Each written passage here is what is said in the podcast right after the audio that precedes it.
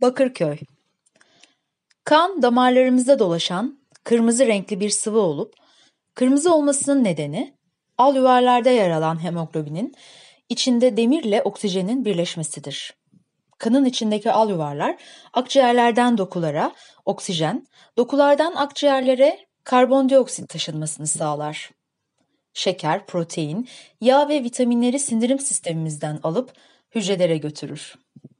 Al yuvarlar kemik iliğinde üretilirler ve ömürleri 120 gündür. Kısacası damarlarımızda dolaşan kan 120 gün sonra tamamıyla değişmiş olur.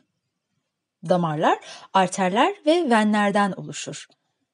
Benim gibi birinde ortalama 3-4 litre kan bulunduğunu söyleyebilirim. Ne kadar az değil mi? Arterleri kestiğimde belki de 10-15 dakikada çoğu boşalır.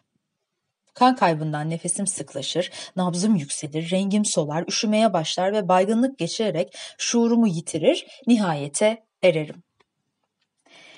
El bileğimi keserek ölüme yol açacak düzeyde bir kanama için arterlerimi kesmem gerek. Yani arteria radialis ve arteria ulnaris'e şöyle okkalı bir kesik atmam lazım. Bunlar tendonlarımın arkasında daha derinde yer alıyorlar. Arterlerimi kesebilmem için tendonlarımı da kesmiş olmam lazım. Bir bileğimde bunu başarabilsem bile, artık iş görmeyeceği için diğer bileğimi kanlar fışkıran elimle kesemem.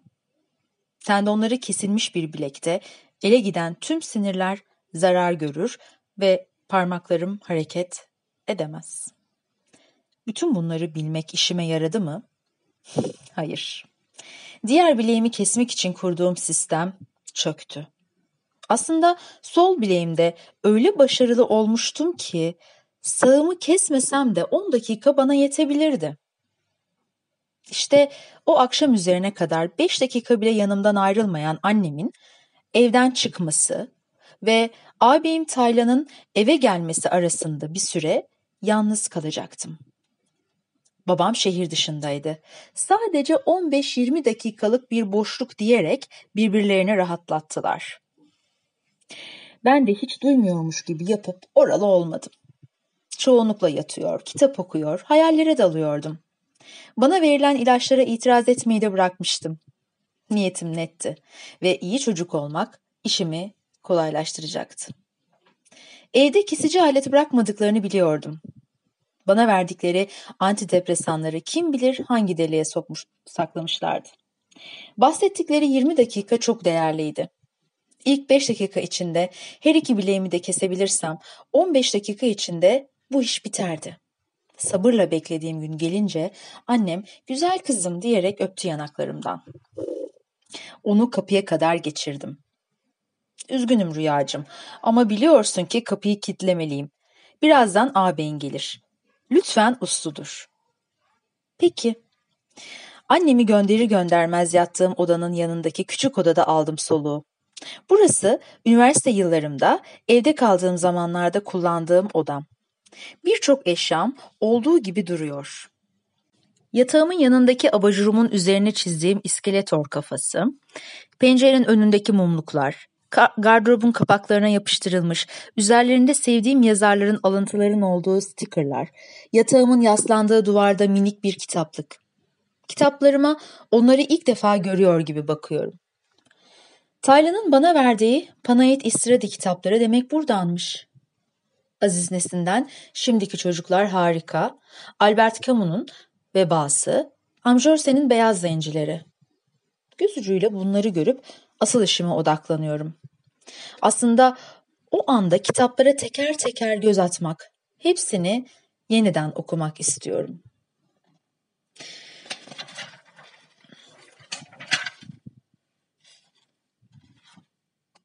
Kitapları bir kenara bırakıp gardırobun arka çekmecelerinden birinde 10 yıl evvel tıp fakültesine yeni başladığımda aldığım araç gereçlerimi sakladığım kutuyu buluyorum. 90'lardan kalma teneke bir bisküvi kutusu bu. Kutudan kimsenin haberi olmadığını tahmin ediyordum. Üniversitenin ilk yıllarında her tıp öğrencisinin hevesle edindiği ufak tefek malzemeler bunlar. Anatomi çalışmak için getirdiğim irili ufaklı kemik parçalarını geri götürmüştüm. Bunları ise atmak istememişim demek. Anısı kalsın diye mi, bir gün kendimi doğramak istersem lazım olur diye mi bilmiyorum. Şırınga, tamponlar, turnike ve benzeri şeyler. İçlerinde benim işime yarayacak olanı yıldız gibi parlıyor. Alüminyum kağıda sarılmış ama ucu görünüyor. Kadavra kesmek için kullandıklarımızdan biri. Hiç kullanılmamış. Gıcır gıcır bir neşter. Neşteri alıp kutuyu aynen kaldırıyorum. Ölümümden sonra arkamda temizlik zor olmasın diye banyoya geçiyorum. Evde küvet yok ama ılık bir ortam yeterli. Zaten arterleri keseceğim için küvete ihtiyacım da yok. Sağ bileğimi kesebilmek için gereken sistemi de banyo taburesinin üzerine kuruyorum. Gerisi benim gibi bir acil hekim için kolay oluyor. Sol bileğimden kan hızla boşalırken birdenbire kapının zili çalmaya başlıyor. Hiç ses çıkarmıyorum. Saniyelerin değeri var. Şuurumu yitirebilirsem gerisi kolay. Bu sırada taburenin üzerindeki aralığa sıkıştırdığım neştere sağ bileğimi hızla vurarak deniyorum ama olmuyor. Heyecandan ve aceleden yeteri kadar güçlü davranamıyorum. Yerdeki kandan kayganlaşan zemin yüzünden olacak, neşteri arasına sıkıştırdığım tabure kayıyor. Bu sırada banyo kapısı açılıyor ve kocaman bir erkek silüeti içeri süzülüyor. Rafet'le göz göze geliyoruz. Bakışlarında muzur bir tebessüm. Saçlarımı okşuyor Rafet. Kan, revan içindeyiz. Rüyacım, acele etmeye gerek var mı? diye fısıldıyor kulağıma.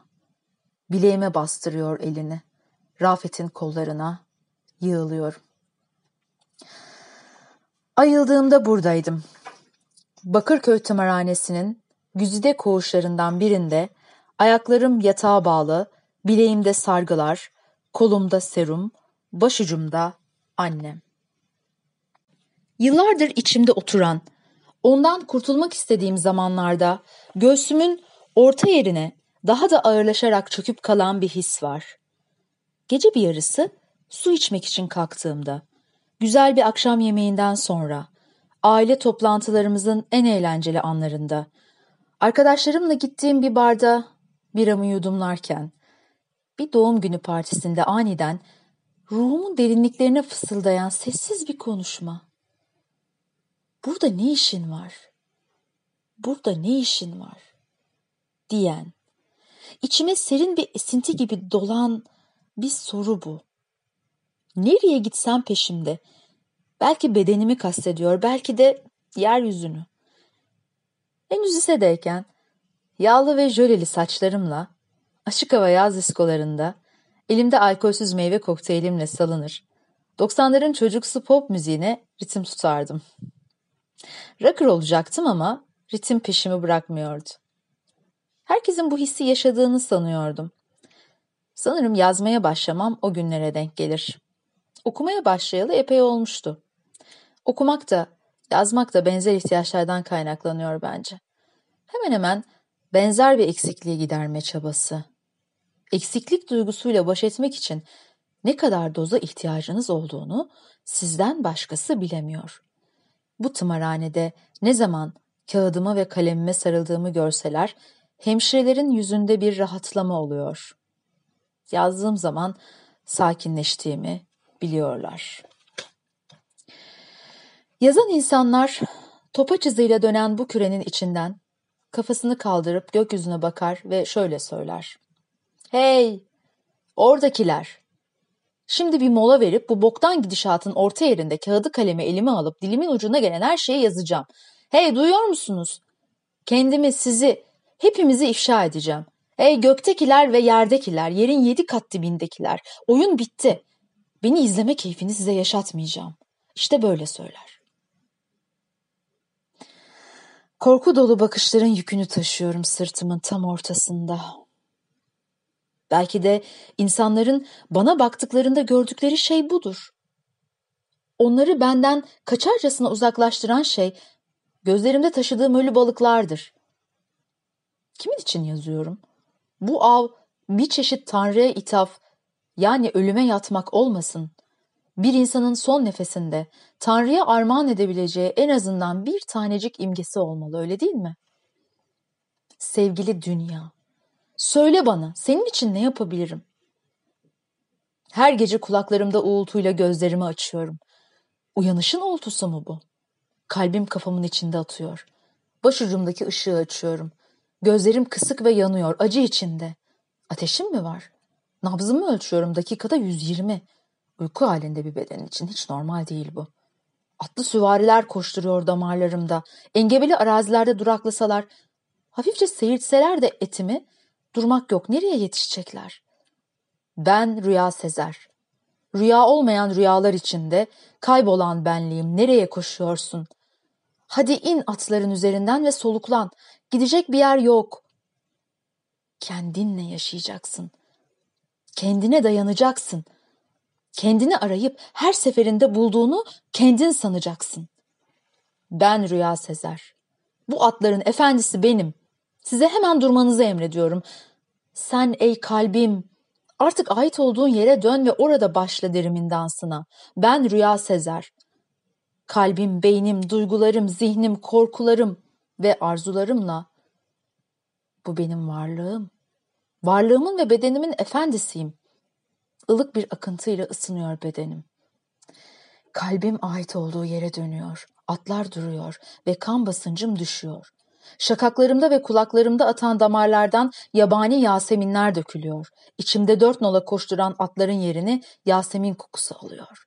Kanım, benim varlığım.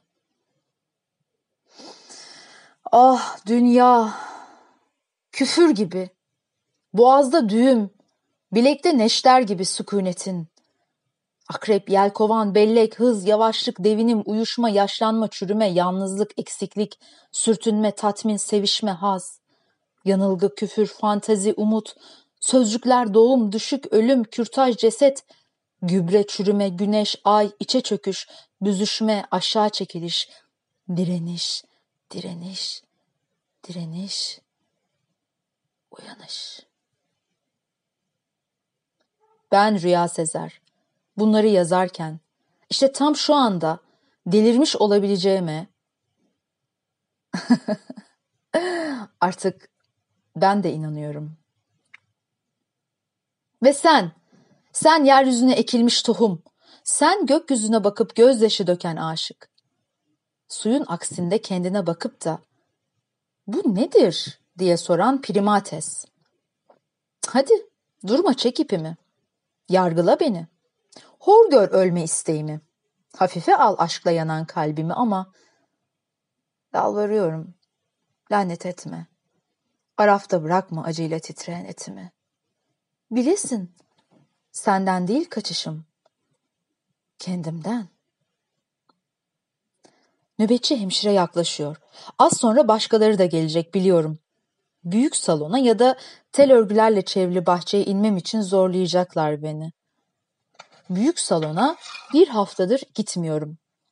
Bir gün migrenim tuttu, bir gün kustum, bir gün kıvrandım derken artık kaçabileceğimi sanmıyorum. Bazen öyle ilginç delilerle karşılaşıyorum ki harbi delirmiş diyorum. Yaşanılanları sindirmek için sadece zihin değil, mide, bağırsaklar, karaciğer, akciğer, velhasıl tüm bedenle tecrübeye katılmış olmak lazım.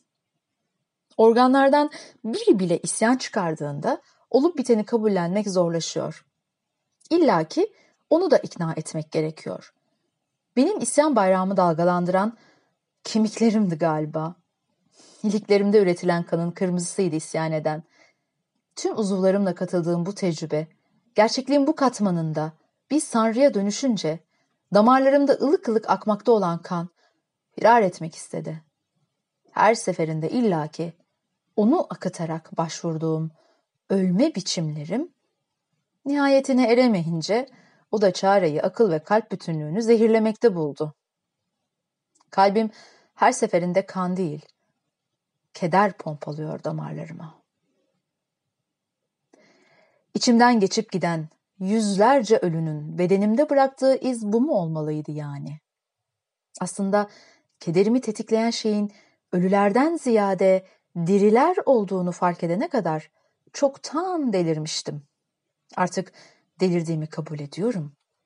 Gerçeklik duygunuzu yitirmekse delilik, kendinizi kendinize dahi yabancı hissetmekse, bulunduğunuz hiçbir yerde huzurlu hissetmiyor olmaksa, dilin sınırlarına hapsolan aklınızı çatlasanız da patlasanız da diğerlerine anlatamıyor olmaksa işte bu benim.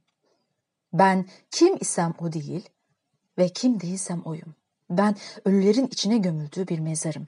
Gözlerim balık mezarı, kulaklarım yırtıcı kuşların, yüzüm şifacı cücelerin, saçlarım lanetli orospuların, omuzlarım sesini duyuramamış haberci meleklerin, memelerim erkeklerin çükünü kesip körfezdeki martılara yemeden Amazonların mezarı. Karnımda milyonlarca bebek gömülü. Hiç doğmamış. Doğmuş unutulmuş.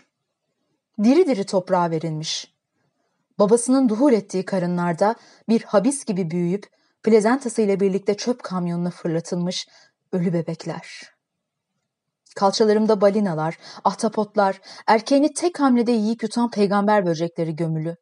Bacaklarımsa ölülerle diriler arasında bir köprü gibi uzanan bedenime kilden birer dayanak.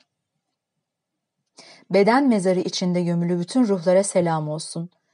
Kim ki bilir ışığı, görürse aynadaki aksinde ya da sevdaya düşer de için için yanarsa maşuğun yüzüne, baktıkça, bilsin ki çözülür bağları maddenin, uyanır ölüler ve kavuşur hürriyetine hayat. Adına can denen hayat, adına hayat denen can, canlara karışır. İşki sevmeyi bir kez tatsın kalp. Aynadaki aksini ya da herhangi bir varlığını yeryüzünün. Bütün bu olup bitenlerin kimi hürriyetine kavuşturduğu meçhul. Arafta kalmış ruhları mı yoksa içime gömülü canları uyandırdığı için beni mi? Yaklaşık iki sene evvel hayatımın sığ göletine düşüşen ruhlar tarafından kaçırıldım. Bedenim ruhlar evi artık. Bana her dokunulduğunda etimin içinde başka bir ruh dile geliyor. Saydan bir perdeye dönüşüyor bedenim. İşte sana anlatacağım hikayeler böyle dile gelmeye başlayacak. Olabildiğince onlara sadık kalacağım. Kendi kederimi ve sevincimi satır aralarına gizlersem kusura bakmasınlar. Bazı duygular o kadar kırılgan ki. Bu romanda kahramana yer yok. Okurken sen de kendini yaratan bir kahraman ol. Hiçbir şeyi kurtarmaya çalışmayan, hiçbir şeyi feda etmeyen, hiçbir şey uğruna ölümü yaşama yeğlemeyen, tüm kahramanlıklara alay eden ve kendine dil çıkaran bir kahraman ol.